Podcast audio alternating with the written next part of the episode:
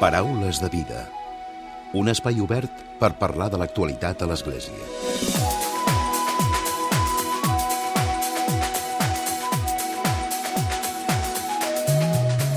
Què tal? Salutacions i molt bon dia, molt bon diumenge. Maria té el privilegi de saber integrar-se a la nostra societat tal i com el poble la veu i li prega. Fixem-nos que la imatge d'un sant o una santa representa igual en una església de casa nostra que en una d'Occitània. La Mare de Déu, no. Té la peculiaritat de ser representada artísticament segons els costums, la cultura, la geografia, la història i l'economia dels llocs on es venera.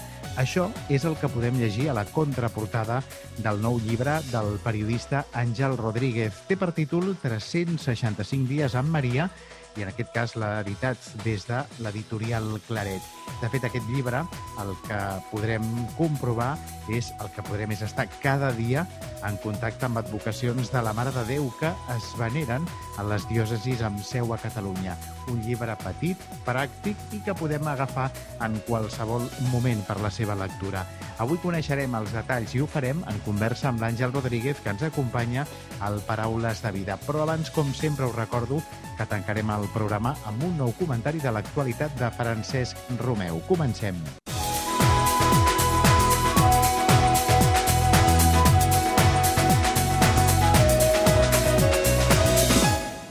Paraules de vida amb Emili Pacheco. Àngel, bon dia i benvingut al Paraules de Vida. Bon dia, Emili. Gràcies per l'entrevista. Novament ens acompanyes i també per, per parlar d'un llibre, en aquest cas 365 dies amb Maria, un llibre que està editat per Claret, un llibre que ens demostra que a Catalunya hi ha devoció mariana, una devoció mariana important. Sí, segueix la, la devoció mariana. Eh, jo crec que eh, tot això ajuda també a tota una sèrie de paràmetres, no?, Eh, clar, la devoció mariana te pot venir des de diferents llocs. Eh, es venera des de santuaris, esglésies, ermites, al carrer també hi ha imatges de la Mare de Déu, i tot això hi, i, eh, hi contribueix, no?, eh, que pot ser venerada en diferents llocs en capelletes que trobes, amb... bé, aquesta és la, la gran varietat de, de la Mare de Déu, no? Uh -huh. Són 365, és a dir, que tenim una per dia. I, per ser exactes, 366, perquè el dia de traspàs, l'any de traspàs, el Bitsex, o com es digui, sí. aquell, aquell també hi és. Uh -huh. també l'hem incorporat el 29 de febrer. Parla'ns sí. una mica de com, com ha estat el procés, perquè suposo que aquí hi ha molta feina d'investigació, sí. de, de camp, no? De... Sí, sí, sí, sí. Bé, eh, tot ve arrel de, del llibre que vaig fer de Maria 31 Santuaris, que em vares entrevistar en aquella ocasió, que la idea d'aquell llibre era una imatge de la Mare de Déu per per cada dia del mes de maig.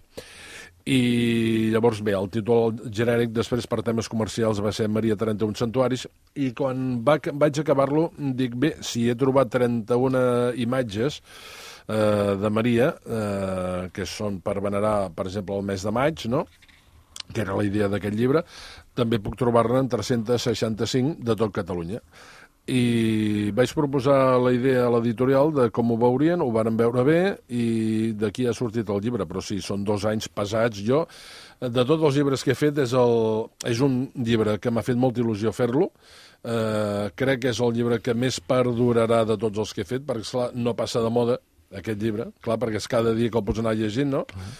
Però és el que més cansat, molt, molt, molt cansat. Quan vaig acabar-lo dic, buf, per fi, per, per fi l'he acabat, perquè, eh, clar, és un, és un llibre que, en primer lloc, has de trobar informació de cada una de les advocacions marianes, no?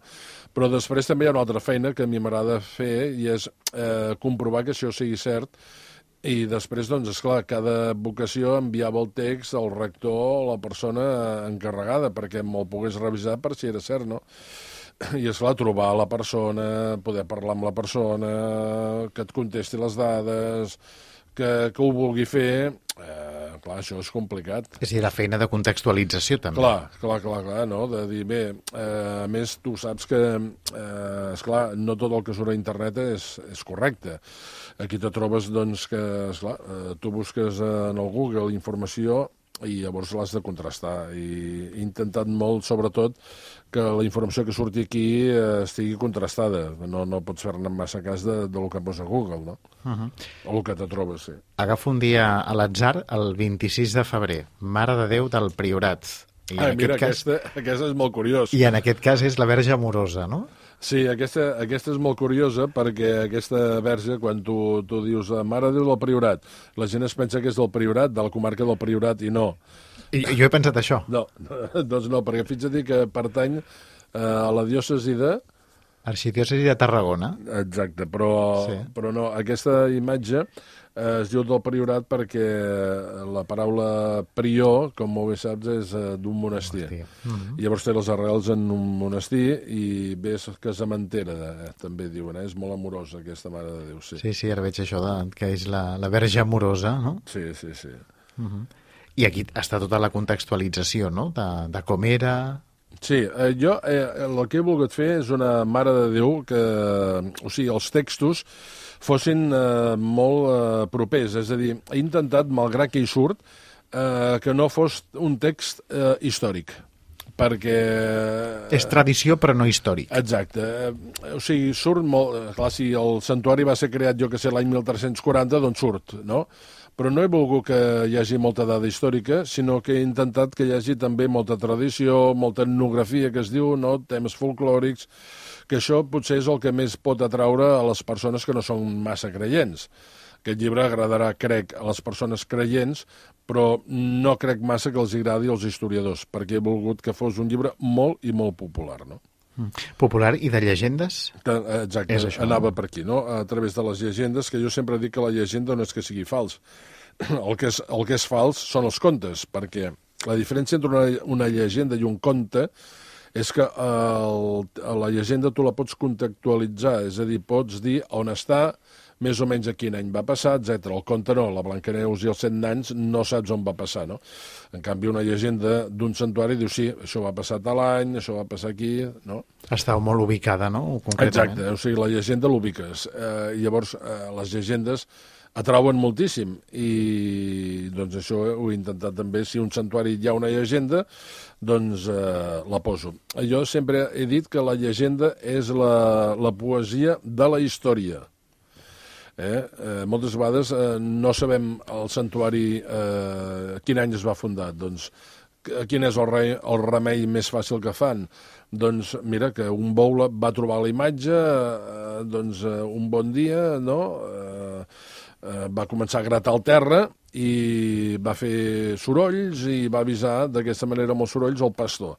I el pastor va allà i troba, troba l'imatge. Bé, moltes vegades es fa servir aquest recurs de les Mare de Déus trobades per, per trobar l'origen dels santuaris, o a vegades eh, que hi ha unes llums que surten d'unes muntanyes, Montserrat, no anem tan lluny, Montserrat, la llegenda et parla que des d'una cova sortien unes llums i allà es va trobar l'imatge de la Mare de Déu, per això hi ha la Santa Cova, el santuari de, de Montserrat, no? Uh -huh. I, clar, aquí te trobes que es busquen aquestes poesies, aquestes, eh, aquestes tradicions, llegendes, per buscar un origen, no?, en el santuari. Uh -huh.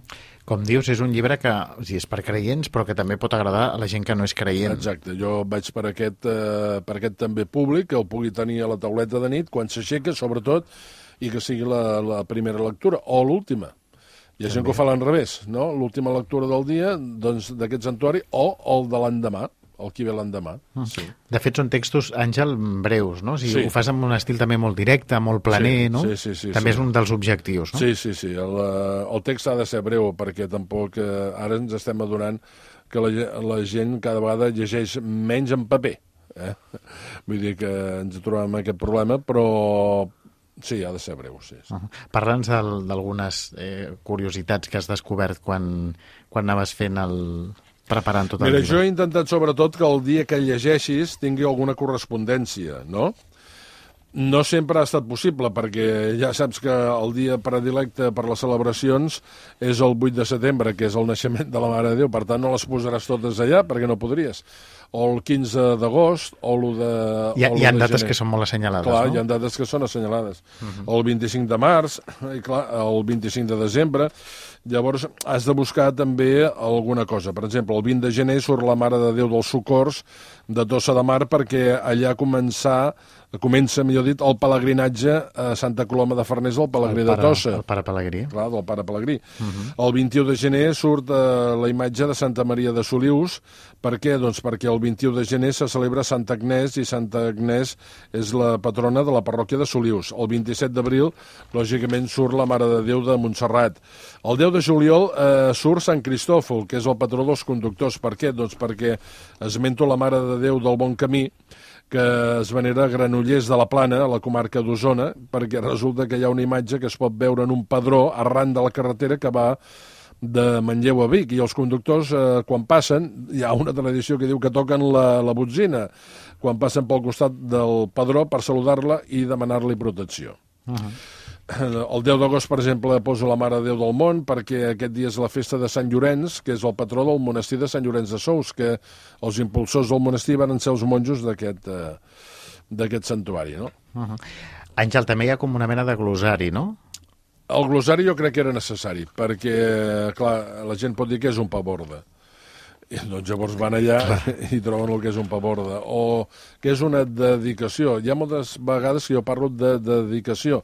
Clar, eh, ara ja no podem parlar de consagració, perquè des del Concili Vaticà II ja no es consagren els temples, es dediquen.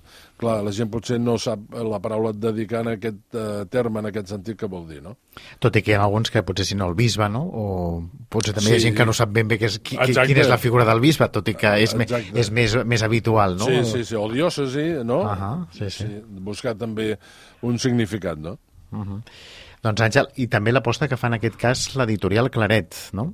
Sí, jo vull eh, des d'aquí agrair a l'editorial Claret que apostés per aquell llibre, sobretot que el fes com l'ha fet, que és eh, un llibre bé de preu, no arriba als 10 euros, i És còmode de portar. És molt còmode de portar, és petitet, eh, de fàcil lectura, i després també deixem dir que hi han 40, una quarantena Sí. sí. d'imatges, perquè aquí, eh, clar, les imatges eh, venen molt, no? I com posem les imatges? Clar, no pots posar 365 imatges perquè el llibre s'encariria molt, seria molt car. Com has fet la tria? Llavors la tria s'ha fet per comarques, o sigui, cada imatge representa una Una comarca. comarca. La comarca del Gironès, la comarca del Montsià... Eh, també vull dir que eh, he tingut eh, present eh, les, les advocacions marianes de, eh, de la província de Castelló que eh, pertanyen al bisbat de Tortosa perquè les eh, imatges que surten són de diòcesis amb seu a Catalunya. Què vol dir? Doncs que són dels bisbats amb seu a Catalunya. Eh, per tant, hi entra Andorra, que pertany a la seu d'Urgell, el bisbat d'Urgell, i al nord de Castelló, les comarques dels Ports i de l'Alt Maestrat, que pertanyen a la, a la diòcesi de Tortosa. No? Uh -huh. Fas també una mica de pedagogia, no, Àngel, amb aquest llibre? O sigui, Sí. Clar, quan parlem, venerem Maria, no? però és mare de, la Mare de Déu, no? Potser, no sé si, si hi ha gent que no, que no controla no? Aquest, eh, Sí. aquesta manera de, de dir-ho de dir correctament, vaja. Sí, sí. Eh, eh, també explico a la introducció. Hi ha una introducció eh, mariana eh, que explico que això, no?, que moltes persones pregunten com és que hi ha tantes Mare de Déus? I la resposta és senzilla, és la mateixa mare amb vestits diferents, no? I de la manera que el poble la veu, aquesta imatge. Eh, L'exemple de Sant Martí de Tours. Sant Martí de Tours sempre el veus igual, tant si es venera a Barcelona com a Girona com a Cambrils, no?, per exemple. Eh, Se'l venera damunt d'un cavall amb una espasa tallant una capa, que és la capa que li dona el pobre. La Mare de Déu del Camí de Cambrils és la, és la Mare de Déu, però és una Mare de Déu totalment diferent que la Mare de Déu de la Mercè. Per què? Doncs perquè la Mare de Déu de la Mercè, que és eh, la, la imatge de la Mare de Déu que es venera a Barcelona, ha de ser una imatge de princesa, no? És ciutat de comtes i ciutat comtal, Barcelona, i ha de ser princesa. En canvi, la Mare de Déu de Cambrils, tot i que també té aquest to de princesa, és, és diferent. Un exemple clar seria el món, o Núria. Fixem-nos que són imatges més pagesotes. Núria, sí. per exemple, té les galtetes vermelles, Eh, esclar, eh, per què? Perquè es venera en una muntanya, no? Eh, Hi ha clar, com una mena d'adaptació a la geogràfica, no? Sí, sí, o la Mare de Déu del Vilar de Blanes, També. que té eh, un producte de la terra a la mà. No és ben bé una bola, és un producte, pot ser una patata o no sé el, el que pot ser. Per què? Perquè Blanes, tot i que ara és turística, des de fa un temps, hi ha els pagesos de Blanes que en viuen d'això, no? I la imatge s'integra, s'incardina, no? I és una manera que el poble la veu, per això la imatge, eh, la, la, la Mare de Déu pot ser més eh, tinguda en compte per un que no sigui creient perquè la té més eh, propera, no? És més de casa, més etnogràfica, no? Uh -huh. I com dius, és un llibre de, de tauleta de nit. Sí. Jo és el que recomano, sobretot, de tenir-lo a la tauleta de nit. El que et deia, el pots llegir abans d'anar a dormir, després d'anar a dormir, sí. Mm -hmm. De l'aixecar-te, sí. Doncs si avui ho haguessis de recomanar als oients del Paraules de Vida, que potser amb aquesta conversa ja, ja ho tenen clar, què els hi diries? Bé, jo diria que és un llibre que, el que et comentava, que tant pot agradar a creients com no creients. Eh, a les persones que li agrada molt el tema de llegendes, de cultura popular, eh, jo crec que els hi pot entrar molt per aquí, de cultura popular, de tradicions, eh, florilegis, que es diu, eh, no? També eh, pensem que a part del text de la, de la història, de la llegenda, de les tradicions, hi ha un bocinet dels goigs i també una frase eh, mariana de pensadors, teòlegs, bisbes, persones famoses, conegudes, eh, de concilis, etc. no? Dius que no és un llibre històric, feies la, aquesta sí. distinció, no? que és més de, de, de, de llegenda, de tradició, però em ve al cap, per exemple, quan, ara estic mirant l'11 de març, Mare de Déu de la Pietat. O sigui, eh, I em ve al cap, no?, que potser abans hi havia moltes dones que es deien Pietat, Sí. no? i potser ara és un nom que ja no, ja no, ja no és habitual, no? No sé si això fa que, que com a mínim també és, eh, es veu en un context històric, no? Sí. De, el, el, el, el, Home, de la Mare de Déu modes. concreta, no? Això són modes. A TV3, quan varen fer aquella, aquella sèrie Secrets de Família, es va posar de nou de moda posar el nom de Farners, Farners. sí. perquè una de les protagonistes es deia Farners, eh, perquè la Mare de Déu de Farners es venera a Santa Coloma de Farners. Eh, clar, eh, per exemple, la meva filla es diu Caral, eh, perquè, i Caral ara torna a estar de moda, no sé per què, però torna a estar de moda posar Caral, no? Eh, Són modes, per Són tant. modes, jo diria que són modes, no? Però si una noia es diu Vinyet, segur que saps que és de Sitges, eh? Sí. Sí, sí, m'ha vingut al cap amb, amb, el, amb bueno, això, veient la Mare de Déu de la Pietat, no? De dir Sí, que, de que sí. potser abans hi havia gent, o, o que coneixes a persones que sí que són d'edat de, d'edat avançada i que, i que es deien, doncs, això, no? O sigui, hi havia noms que ara, doncs, sí, sí. potser no... Mira, ara la gent que ens escolta de Sitges sap perfectament que la Mare de Déu de, del Vinyet té el braç, escapça, té el braç tallat. Ahà. Té un braç tallat, un dels braços. I el que te deia jo de, de que la Mare Déu s'incardina, per què té el, el braç tallat? Doncs perquè la llegenda eh, explica que hi havia fa molts segles eh, un esclau eh, amb una vinya que estava cavant i de cop i volta, bom, se li queda la l'aixada clavada. I, ostres, què és això? I va ensorrant, ensorrant, ensorrant, i troba una imatge de la Mare de Déu i, esclar, li havia tallat el, el braç. El braç. I perquè la, mare, la imatge estava amagada per, ja saps que es van amagar perquè els sarraïns, eh, tot primer, els moris, o per exemple els càters, no, no, es, de, no es destrossessin les imatges, no? per això es van amagar. Però aquí veiem la facilitat que té la Mare de Déu d'inculturalitzar-se. S'incultura en una terra de vins, de vinyes, eh, i eh, per demostrar-ho, eh, el poble que la llegenda doncs surt amb un braç tallat. Uh -huh. uh, que, per cert, es diu que des d'aleshores aquella vinya, aquella, aquella vinya va produir un vi boníssim que és la Malvasia. Uh -huh. Aquí veus també un altre, un altre origen de la Malvasia. Ens queda un minut, Àngel, però sí, Sí. mm, ens has acompanyat diverses vegades al programa. Sí, en els últims anys has, eh, has tingut una carrera també a nivell de- com- de- d'escriptor, de, de, de llibres, de, de fer llibres important, no? O sigui, suposo, no sé si això continuarà. Sí, ara estic eh, ja preparant un llibre, bueno, es- escrivint un llibre que és de festes i tradicions catalanes. Per tant, no pares. No, no, no, no. I l'altre és sobre les fires de Sant Narcís. Uh -huh. Que Això- aquest, aquest em fa molta il·lusió, també, les en- fires de Sant Narcís. I en el calendari, per quan ho podrem tenir, això? El, el de les festes i tradicions catalanes, si tot va bé, sortirà per aquest Nadal. Uh -huh. L'altre que... no ho sé. Uh -huh. Però eh, el de les festes i tradicions catalanes, aquest Nadal, si tot va bé, sortirà. Sí que és de la mateixa col·lecció que les mil i una llegendes i mites de Catalunya, de l'Arca, de Red Book Edicions. Sí. Uh -huh. Doncs Àngel, gràcies, gràcies per haver-nos acompanyat avui. L'Àngel, que de ben segur coneixeu també la seva carrera com a, com a periodista, com a periodista d'informació també religiosa, i en aquest cas també com a, com a escriptor, que, que ens ajuda també a entendre moltes, moltes coses de, de l'àmbit eclesial. Gràcies, Àngel. Gràcies a tu, Emili. Paraules de vida, amb Emili Pacheco. I tot seguit arriba el comentari de l'actualitat de Francesc Romeu. Francesc, molt bon dia. Molt bon dia a tothom. La setmana passada, el 9 de març, el papa francès va nomenar una dona catalana com la primera secretària a la Pontifícia Comissió Bíblica Internacional.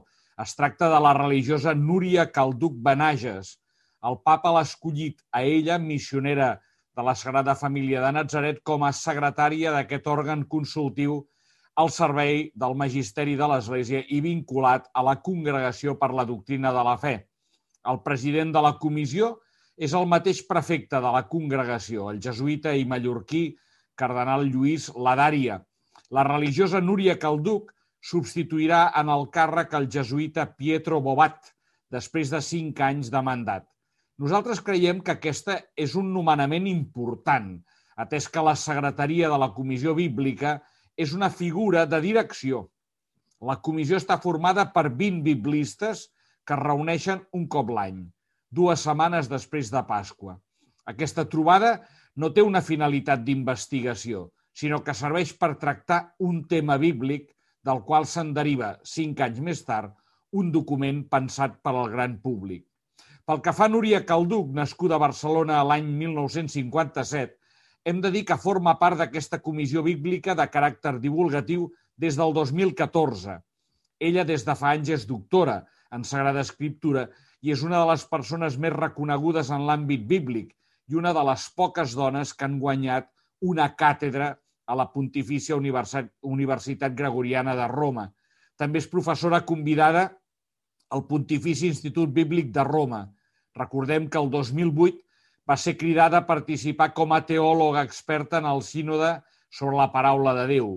Fa cinc anys, el 2016, el papa francès va crear una comissió d'estudi sobre el diaconat de la dona, formada per 13 membres, entre els quals hi havia la Núria Calduc. En l'actualitat és membre de l'Associació Bíblica de Catalunya l'òrgan col·legiat de la Conferència Episcopal Tarraconense per l'Apostolat Bíblic a Catalunya. També té publicats una dotzena de llibres i és autora d'uns 250 articles científics i divulgatius. Ara fa un any va publicar un llibre titulat Sant Pau i les dones, que és el tercer volum d'una trilogia dedicada a les dones en la Sagrada Escriptura i publicat per l'editorial PPC. I un altre nomenament significatiu d'un altre català, el Vaticà, el mateix dimarts passat, 9 de març, també es va fer públic el nomenament del periodista i professor barceloní Daniel Arassa com a consultor del Dicasteri per la Comunicació.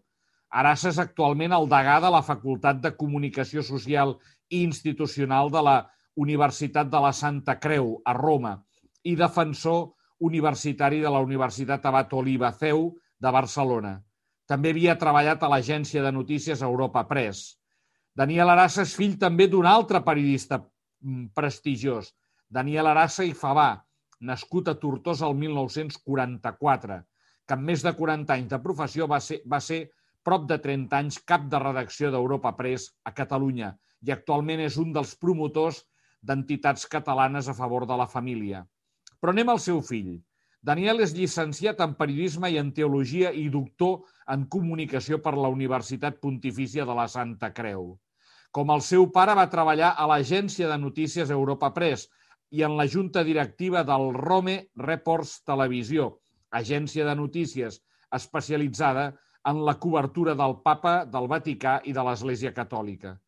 Com ell mateix declarava, espero que la meva contribució i la dels meus companys consultors sigui la d'aprofundir en una cultura de la comunicació a l'Església, tan important avui en dia. Això significa moltes coses. Professionalitat, transparència, proactivitat i, sobretot, formació en comunicació.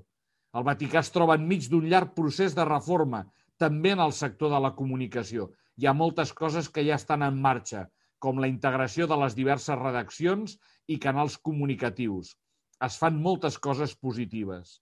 Per acabar, recordem també que el passat 12 de febrer el papa francès va anomenar la religiosa del Sagrat Cor de Jesús, Margarita Bofarull Buñuel, nascuda a Barcelona l'any 61, com a membre ordinària de l'Acadèmia Pontifícia per la Vida. Bofarull va ser superiora provincial i vicepresidenta de la Conferència Espanyola de Religiosos. És llicenciada en Medicina i Teologia, màster en Teologia Moral i postgrau en Medicina Tropical.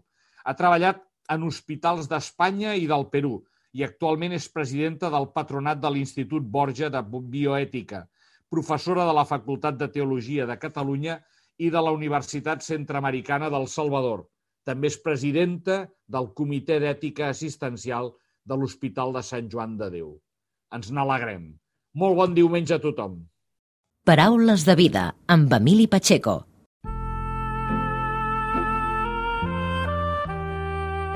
Us oferim la carta dominical de l'arcabisbe de Barcelona, Joan Josep Omella. Déu vos guard.